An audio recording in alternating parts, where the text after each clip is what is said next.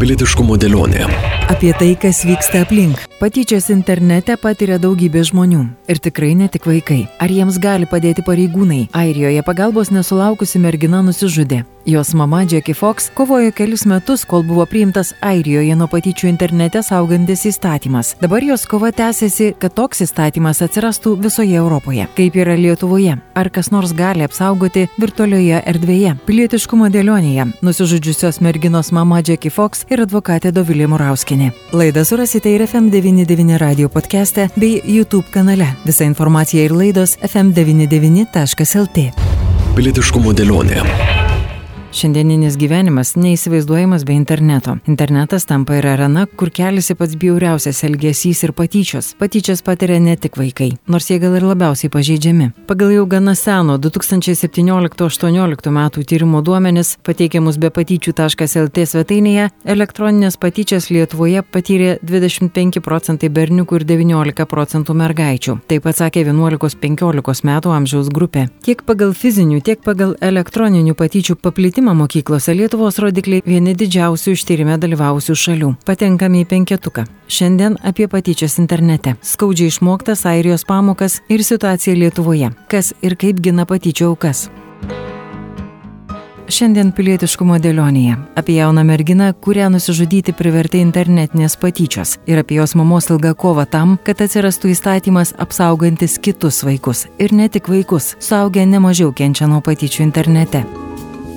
Su Nikolės mama Jackie Fox susitikome Europos parlamente Strasbūre, kur gegužės mėnesį ji buvo pakviesta pasidalinti savo istoriją su Europos įstatymų leidėjais. Jackie siekė, kad internetinės patyčios, dėl kurių mirė jos dukra, daugiau nebepakenktų niekam, o taip patiriantys žmonės galėtų sulaukti pagalbos. Airijoje Nikolės vaikiškų vardų Koko pavadintas įstatymas tai užtikrina. Jackie svajonė, kad Koko įstatymas apsaugotų ne tik airius. Nikolės istorija, kurią pasakoja mama kraupi. Jos 18 17-metė dukra, trejus metus kentusi fizinės patyčias, galiausiai pasidavė psichologiniam smurtui internete. Nebeištvėrusi nuolatinių patyčių, kurios persekiojo visur, Nikolė nusižudė. Patyčios prasidėjo, kai viena mergina įsigėdė vaikino, su kuriuo draugavo Nikolė. Iš mano dukters tyčiojosi žmonės, kuriuos ji laikė savo draugais. Viskas prasidėjo dėl pavydo dėl vieno vaikino. Prasidėjo nuo vienos merginos, bet po to jis subūrė didelę grupę žmonių, nes daug lengviau tyčiotis iš ko nors su kompanija negu vienam.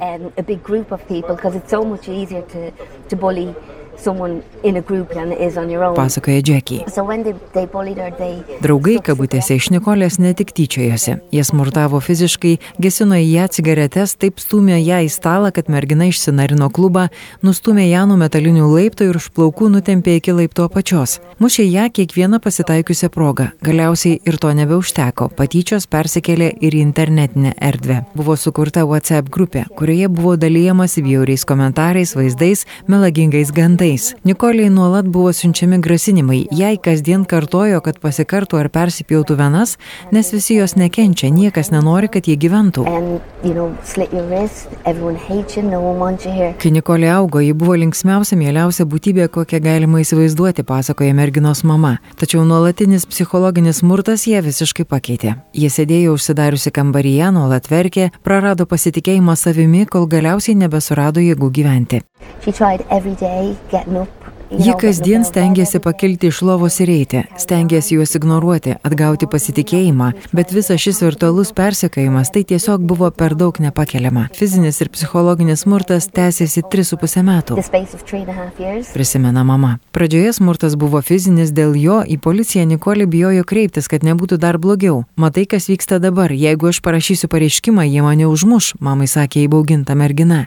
Tačiau galiausiai, kai smurtas persikėlė ir internetinę erdvę, Pabėgti nuo jo nebebuvo galima ir namuose, šeima vis dėlto kreipėsi į pareigūnus. Deja, čia išgirdo tik tiek, kad Nikolės skriaudikai nieko blogo nepadarė, nes nėra tokio įstatymo, kuriam jie būtų nusikaltę. Aš dažnai galvoju, kad jeigu mes būtume turėję įstatymą, Nikolė būtų dabar su manimi, apgailestauja mama. Persekiotojai sukūrė netikrą Facebook'o profilį ir tikino, kad niekada Nikolės nepaliks ramybėje, kad ją taip sumuš, kad jos gyvybė bus palaikoma tik aparatais. Galiausiai jų noras išsipildė. Nikolė atsidūrė reanimacijoje, kur jos gyvybė buvo palaikoma tik aparatų. pasakoja Jackie. Tai nutiko, kai mama, sugrįžusi namo su 14-mečiu Nikolės broliu Ly, rado ją pasikorusią koridoriuje. Mamai jėgų gyventi toliau suteikė šeima ir siekis jam žinti Nikolės atminimą, kad jos mirtis nebūtų beprasmiška. Aš galėjau išlikti tik susitelkdama į kažką, kas mane verstų ryte keltis iš lovos. Nusprendžiau atiduoti jėgas tam, kad atsirastų įstatymas, kuris apsaugotų kitas tokias aukas kaip Nikolė, pasakoja Jackie. Ji dviejus metus ir dešimt mėnesių mynė kelius, susitikinėjo su Airijos parlamentarais, rengė protestus ir agitavo siekdama, kad Airijoje atsirastų įstatymas saugantis nuo patyčių internete ir kuris tokį smurtą pripažintų kriminaliniu nusikaltimu. Be to, teisės aktas buvo pavadintas Koko įstatymu, mažybiniu Nikolės vardu. Taip ją vadino sūnienas, negalėjęs ištarti Nikolės vardo, ir Džeki pavyko. Galiausiai po beveik trejų metų kovos Koko įstatymas įsigaliojo. Aš taip norėjau, kad Nikolės mirtis nebūtų beprasmiška, dėl pavydo, tik dėl to, kad toji mergina negavo vaikino, kurio ji norėjo. Kai Nikolė mirė, aš visada sakiau, kad pasirūpinsiu, kad jie niekada nebūtų pamiršta. Ir tai buvo vienintelis būdas. Kalba mama. Džeki ir toliau dirba. Keliauja po mokyklas, bendrauja su jaunimu. Galiausiai sulaukė skambučio iš Airijos atstovės Europos parlamente, kuri paprašė sukurti trumpą filmuką, kuriame būtų papasakota Nikolės istorija. Filmą peržiūrėjo europarlamentarai ir pakvietė Nikolės mamą pasikalbėti gyvai. Aš nemanau, kad koko įstatymas turėtų galioti tik Airijoje, jis turėtų būti visoje Europoje, nebejoja Jackie. Airijoje per dviejus metus įstatymo dėka išgelbėta šimtai žmonių. Yra nuteistų ir realią laisvės atėmimo bausmę atliekančių internetinių persekiotojų. 105 žmonėms dabar iškeltos baudžiamosios bylos dėl internetinių patyčių, taip pat jau yra įkalintų žmonių, pradėta labai daug tyrimų ir bus dar daugiau. Tai tik prasideda. Naujo teisės akto poveikiu džiaugiasi Džekiai. Darau tai dėl Nikolės. Aš taip didžiuojuosi mūsų įstatymu Airijoje, bet būtų dar geriau, jeigu jis galiotų visoje Europoje. Įsivaizduokite, kiek žmonių ir ne tik vaikų, tai ir vaikai, ir jauni žmonės, ir suaugusieji. Įsivaizduokite, kiek žmonių gali būti išgelbėta su koko įstatymu Europoje.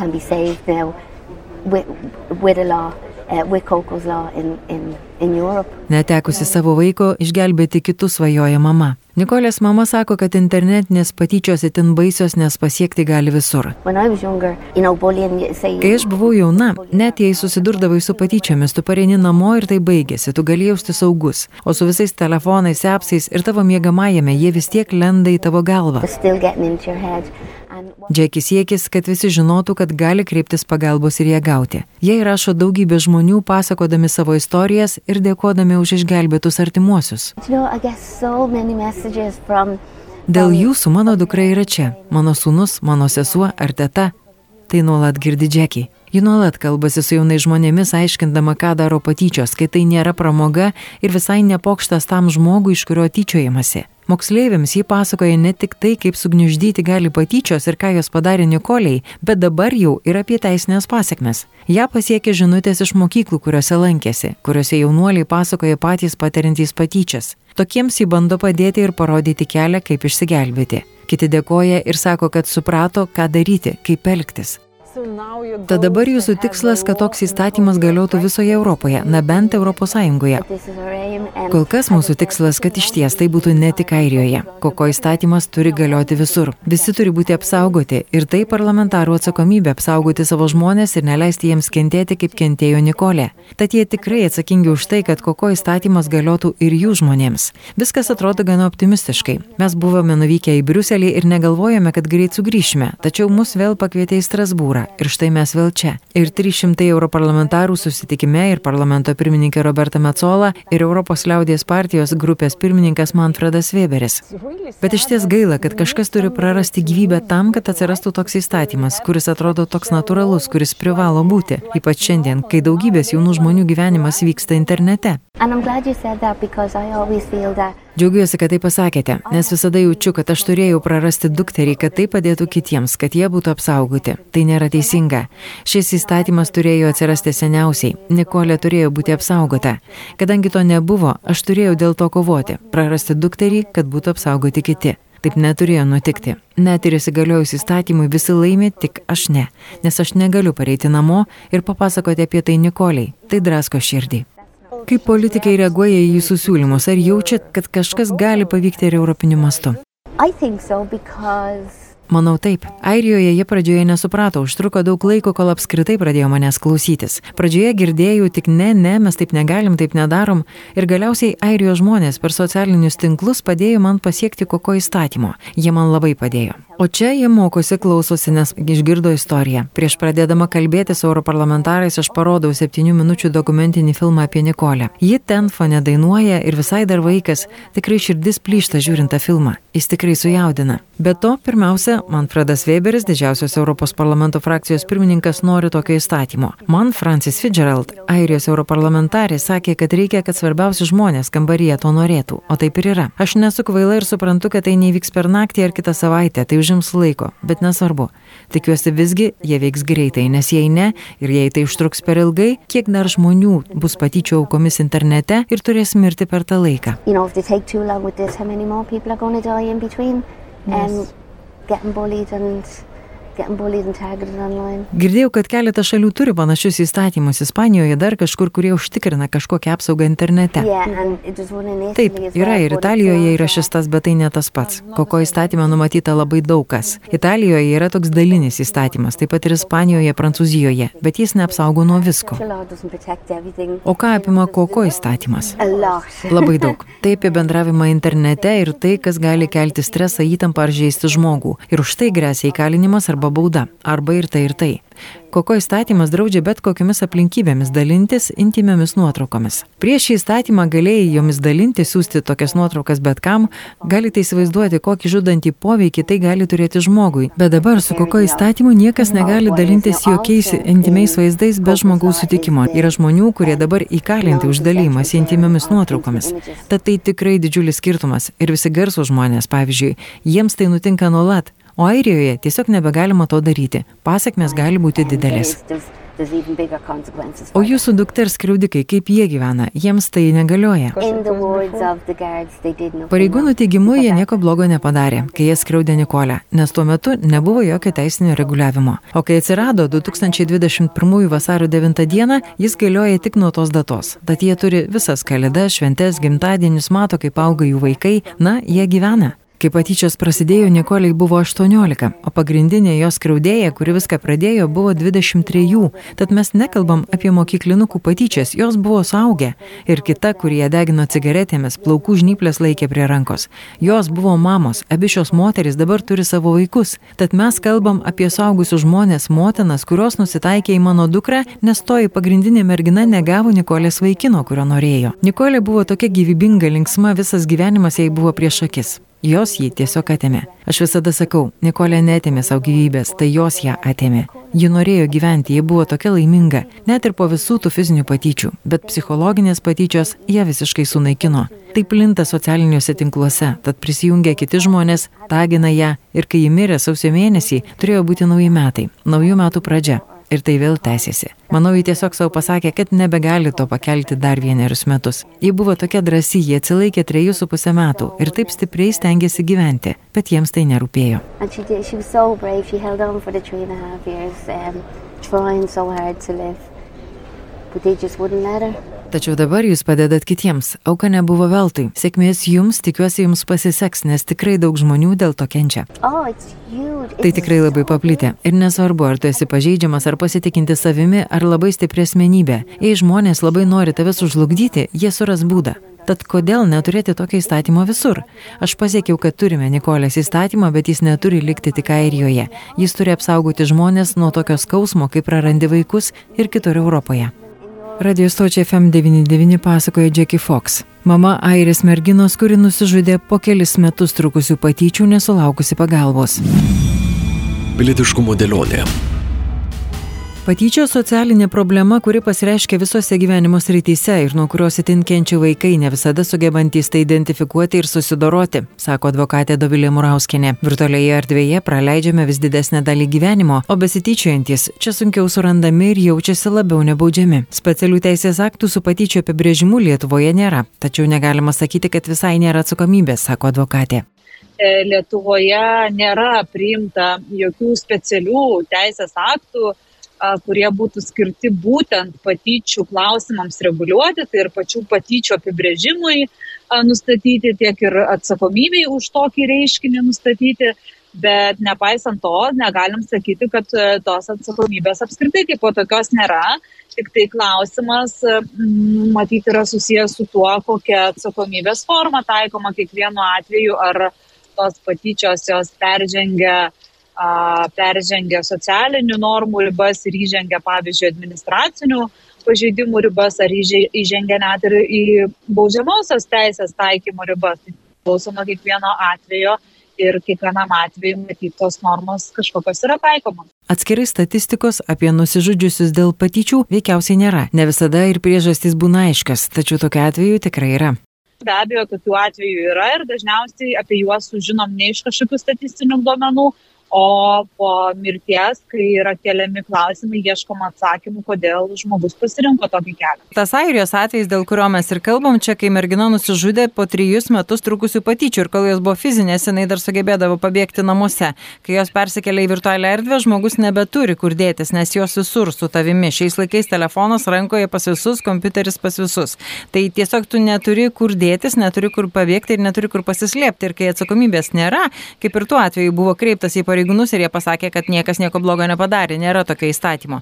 Tai kaip veiktų toks atvejis Lietuvoje? Dabar kas nors kreipiasi, mane persekioja, ma iš manęs tyčiojasi, mano nuotraukas platinama, kuria feikinės istorijas ir panašiai. Kokios priemonės būtų Lietuvos teisės saugai? Tai iš tikrųjų priemonės, priemonės yra visokios. Tai pirmiausia, atsakant jūsų klausimą dėl, dėl to, ar tai būtų nusikaltimas, tarkim, tie, tos situacijos, kai žmogus nusižudo dėl patyčių. Tai iš tikrųjų taip ir Lietuvos baudžiamajame statymė yra numatyta baudžiamoja atsakomybė už privertimą e, nusižudyti. Tai yra viena iš, e, vienas iš nusikaltimų žmogaus gyvybei, kurio vertybė yra būtent žmogaus gyvybė, bet praktikoje na, šitas straipsnis, šitas baudžiamo kodekso straipsnis yra taikomas ypatingai retai. Turbūt galima suskaičiuoti iki dešimties atvejų per visą uh, per visą dabartinio baudžiamojo kodekso galiojimo laikotarpį, šitas kodeksas galioja nuo 2003 metų, kai asmenys yra nuteisti už šitą nusikaltimą, kadangi, kaip aš ir minėjau, nustatyti priežastis ir labai tiksliai nustatyti priežastis, nes baudžiamosios atsakomybės taikymas reikalauja įrodyti asmens kaltę, nepaliekant jokių abejonių, na, yra pakankamai sudėtinga, juo labiau, kad tas na, nukentėjęs žmogus jis yra negyvas. O kalbant apie tai, kad, e, tarkim, atvejai, kai nėra, nepasibaigia pačiu tragiškiausiu būdu, tai yra savižudybė, tai be abejo baudžiamajame kodekse yra numatyta nemažai, nu, nemažai, ne, ne tiek ir daug, bet yra tų straipsnių, kurie galėtų būti taikomi tokiu atveju. Tai dabar visiškai neseniai, prieš keletą metų, e, baudžiamajame kodekse yra įtvirtintas toks na, neteisėto persekiojimo straipsnis, kuris numato baudžiamą atsakomybę tam, kuris persekioja asmenį, čia taikoma tiek realiai, tiek ir virtualiai, persekioja asmenį, renka apie jį kažkokią tai informaciją, siuntinėja įvairaus pobūdžio žinutės, skambinėja ir panašiai ir panašiai, čia jau priklauso nuo bylos aplinkybių. Tai tokie asmenys tikrai turi galimybę kreiptis į teisės saugos institucijas, nurodyti, e, nurodyti tuos veiksmus, kurio, kurie jiems kelia nerimą, kurie kelia, kelia baimę ir, ir galbūt tas iki teisminis tyrimas galėtų pasibaigti tiek kaltininko nustatymu, tiek ir jo nubaudimu. Lygiai taip pat yra viena iš psichologinio smurto formų, tai yra tas toks vadinamas sistemingas nuolatinis žmogaus terrorizavimas, kai, kai a, asmens, asmens atžvilgių irgi atliekami tokie sistemingi, nuolatiniai persekiojimo, grasinimo, tiesiog įkyraus, įkyraus dėmesio rodymo, įkyraus nepriimtino dėmesio rodymo, E, už kurį taip pat gali būti baudžiama. Tai tam, kad nustatyti tokius veiksmus, reikia nustatyti tiek, kad nukentėjusysis aiškiai duoda suprasti, kad jam yra nepriimtinas toks elgesio variantas.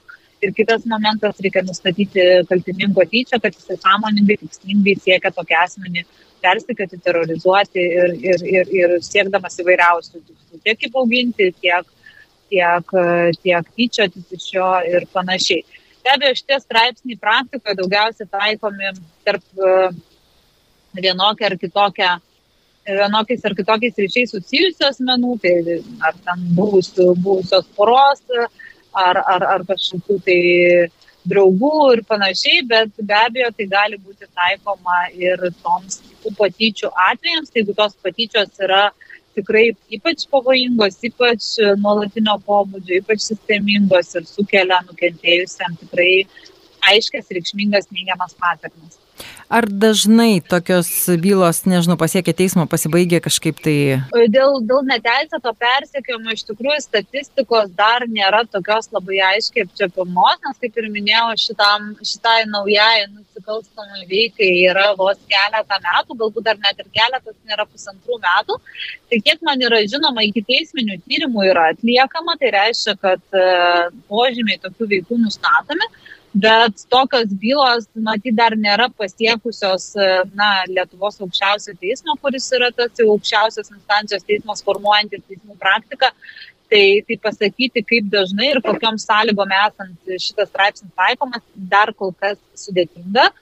Bet kalbant apie tą mano minėtą jau psichologinį terorizavimą, tai šitų veikų tikrai yra, yra nustatoma, yra pasibaigę apkaltinamaisiais teismo nuosprendžiais, net ir, ir yra ir, ir, ir, ir laisvės atėmimo bausmėmis nuteistų asmenų šitą nusikaltimą, tai tikrai tai nėra visiškai reta nusikalstama veika ar netaikomas straipsnis. Bet ar tai būna internete, turint omeny, ar čia jau gyvai persekiojimas? Tai gali būti ir taip, ir taip. Čia šitoj vietoje įstatymų leidėjas nedaro jokio skirtumo. Šitas straipsnis yra pakankamai adaptyvus ir, ir gali būti taikomas tik tiek tiems persekotams, kurie tą daro gyvai, tiek tiems, kurie tą daro virtualiai, tai telefonu, kitomis susisiekimo priemonėmis, bet gyvenimas rodo, kad pastaruoju metu vis dėlto dažniau persekiojimai vyksta būtent, būtent ne, ne, ne gyvai, o virtualiai, tai yra tiek per per žinutės, tiek per skambučius, tiek per kitas susisiekimo priemonės. Nes taip ir paprasčiau. O dabar kitas tas atvejis, kai dalyjamas intimiomis nuotraukomis. Kaip Lietuvoje traktuojama? Ar galima tai daryti? Ir kas, jeigu taip įvyksta, jeigu tai vyksta be tavo sutikimo? Įstatymas, įstatymas yra toks, kad iš esmės intimių nuotraukų, tai yra ypatingai intimių nuotraukų, kurios atitinka pornografinį turinį jau uh, tiek gaminimas, tai yra tokių nuotraukų darimas, tiek platinimas yra neteisėtas. Ir e, Lietuvoje ilgus metus buvo tokia teismų praktika susiklošiusi, kad net jeigu du, vienas, vienas, du asmenys, tarkim, pora, palaikantis intimius santykius ar kažkokius artimus ryšius vienas kitam nusinčia tokio pobūdžio nuotrauką, tai jau būdavo traktuojama kaip nusikalstama veika. Tai e, tikrai reikia pasidžiaugti, kad šių metų kovo mėnesį Lietuvos aukščiausiasis teismas, remdamasis tiek Europos žmogaus teisų teismo praktika, jisai sudėliojo tam tikrus taškus ant jį ir išaiškino, kad a, tokio pobūdžio nuotraukų darimas ir siuntimas savo artimajam intimiam partneriui yra leidžiamas, kadangi jisai, tai atitinka privataus gyvenimo turinį, tai yra privatus asmenų bendravimas, jie patys pasirenka kokią formą tą daryti. Tačiau jeigu tokios nuotraukos toliau platinamos jau tretiesiams asmenims, kurie nėra tame santykyje artimame ir nesudaro jau to privataus gyvenimo, toks persintimas jau yra neteisėtas ir tai yra pornografinio turinio žinučių platinimas. Tai Tai atsakant į jūsų klausimą, tai priklauso nuo aplinkybių, jeigu tai yra tarp dviejų asmenų apsisprendusių, norinčių tokiamis nuotraukomis, tokias nuotraukas kurti ir jomis dalintis, tai šitoje vietoje valstybė nesikiša ir pripažįsta tai privatu, privačių gyvenimų, bet jeigu tokios nuotraukos jau yra platinamos už šito santykio ribų, tai yra nusikaltimas ir už jį yra baudžiama. Šiaip net keista būtų, jeigu kištųsi į dviejų žmonių tarpusavėje siuntinėjimus. Bet, bet, bet tai ką, buvo, tai... bet tai buvo, bet tai buvo, tikrai buvo ilgą laiką. Teko skaityti apie tokius atvejus, kai teisiamos merginos ir kaltinamos pornografija, e, išsiuntė savo vaikinui kažkada tai nuotrauką, kurias jis po to platina, arba Taip. net ir ne po to, tiesiog užkliuvo už akių kažkam pamato. Tai čia, čia tas toks keistesnis turbūt variantas buvo, bet pavyzdžiui dabar,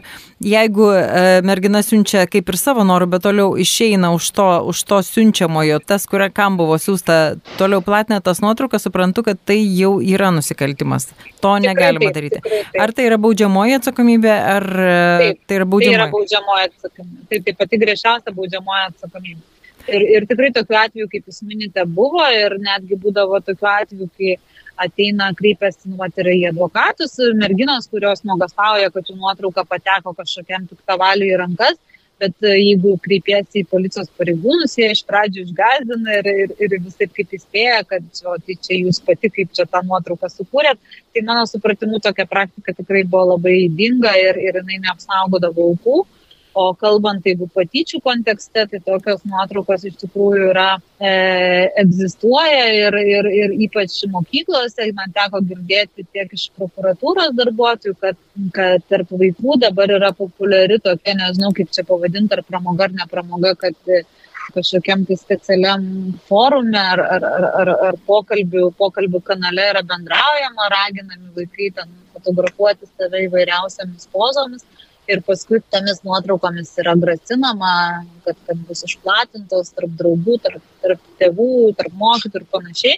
Tai pakankamai pavojingų įvardyje tokį reiškinį prokuratūrą, nes vaikai tikrai turėtų būti labai aiškiai instruktuoti, kad, kad nei fotografuoti, nei jo labiau siūsti tokių nuotraukų negalima, kadangi tikrai sukelia labai didelį stresą, stresą vaikams kai, kai susilaukia tokio pobūdžio grasinimų ir padėti yra pakankamai sudėtinga, nes vėlgi tas, tas patyčios virtualioje erdvėje turi ir savo a, tam tikrų sunkumų, kadangi m, mm, kuo toliau, tuo labiau tie e, internetiniai nusikaltėliai, arba kaip juos čia be pavadinsi, jie išmoksta saugoti savo, savo duomenis tam, kad jie nebūtų identifikuoti ir jeigu anksčiau IP adreso nustatymas būdavo pakankamai nesudėtingas procesas, tai dabar, kai egzistuoja visokių priemonių tą IP adresą užmaskuoti, net per kelis šaltinius, tai iš tikrųjų susiduria su pakankamai rimtomis problemomis ir teisėsaugos institucijos nustatydami tos IP adresus. Todėl net jeigu, pavyzdžiui, ir vaikas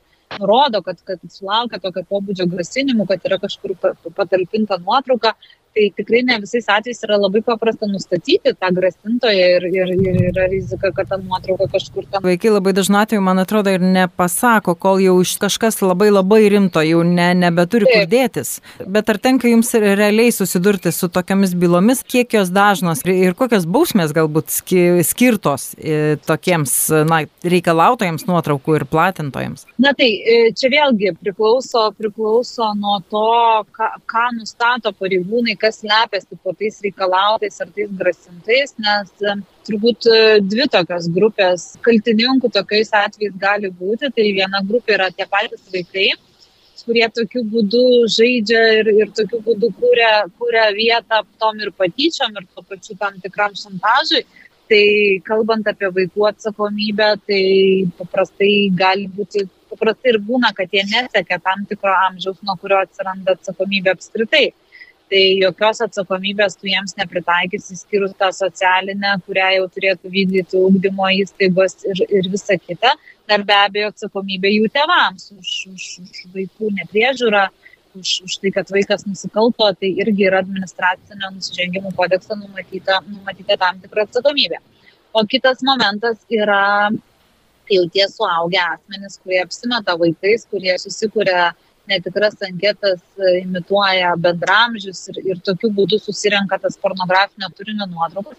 Tai čia vėlgi ta jau atsakomybė pagal baudžiamąjį kodeksą, tai vaiko įtraukimas į pornografinio turinio kūrimą, jisai iš esmės baudžiamąjame kodekse yra tvirtintas kaip sunkus nusikaltimas, tai yra už jį numatyta laisvės atėmimo bausmė iki 8 metų, tai pakankamai griežta atsakomybė Juo labiau, kad greta, greta šito pornografinio turinio kūrimo eina ir kiti turbūt straipsniai, kuriuos tokiais atvejais apsvarsto iki teisminio tyrimo pareigūnai, tai yra tiek ir vaikų tvirkinimas, tiek ir kitokie seksualinio pobūdžio nusikaltimai.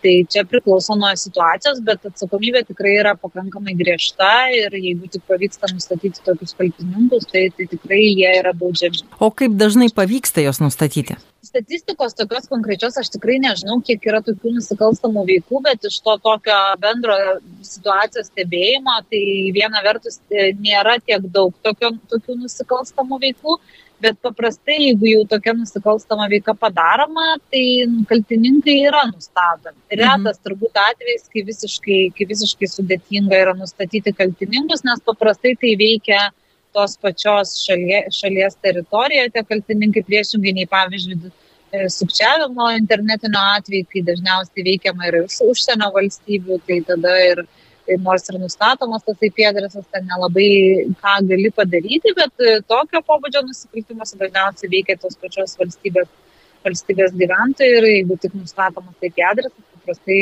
atsakomybė taikoma.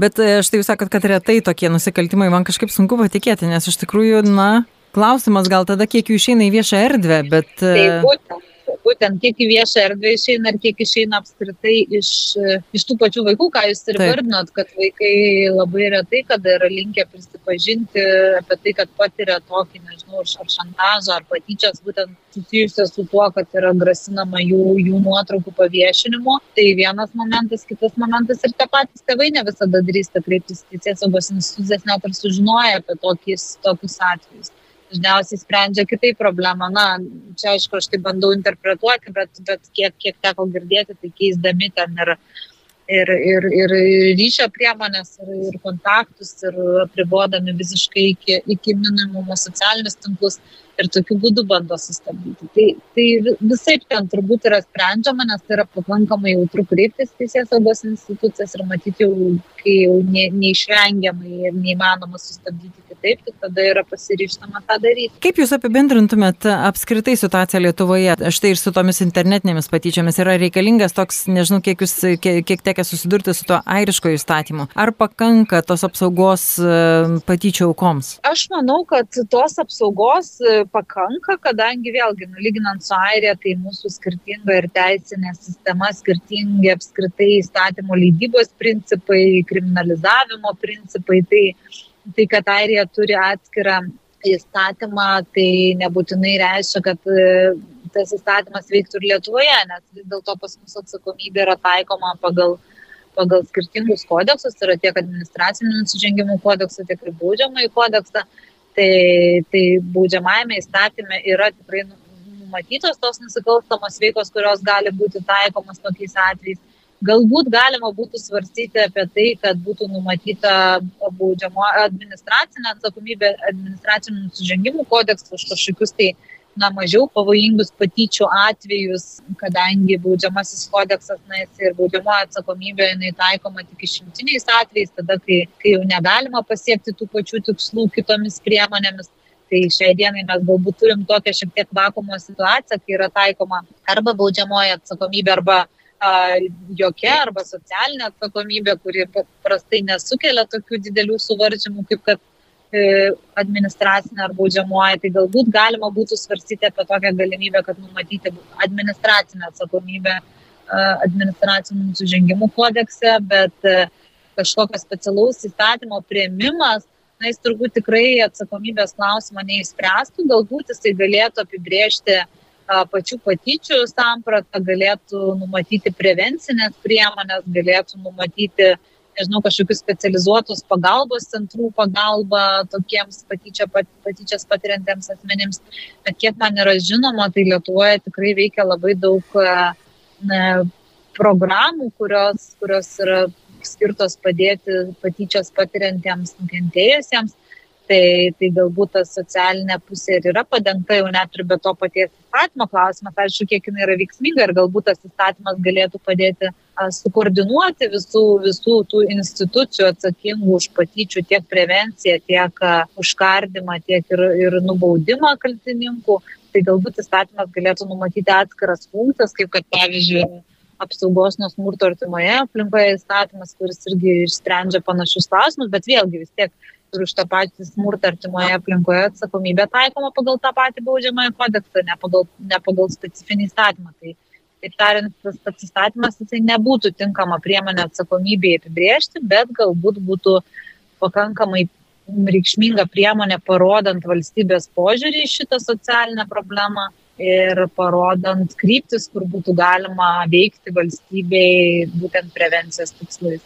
Ir kaip jūs ir minėjot, bent jau apibriežti savoką tokią, kad e, kreipusis į pareigūnus nebūtų tokio galbūt skeptiško žvilgsnio kitas įk, ar ne, apie ką mes čia kalbam. Taip. Tai Tikrai taip. Kalbėjome su advokatų kontoros Glimstet advokate Dovilė Murauskinė. Su jumis buvo Vilija Kvedaraitė. Šiandien tiek. Laidą jau visai netrukus surasite fm99.lt svetainėje. Nepamirškite prenumeruoti FM99 radio stoties YouTube kanalo, taip pat FM99 radio podcast'o. Pilietiškumo dėlionė.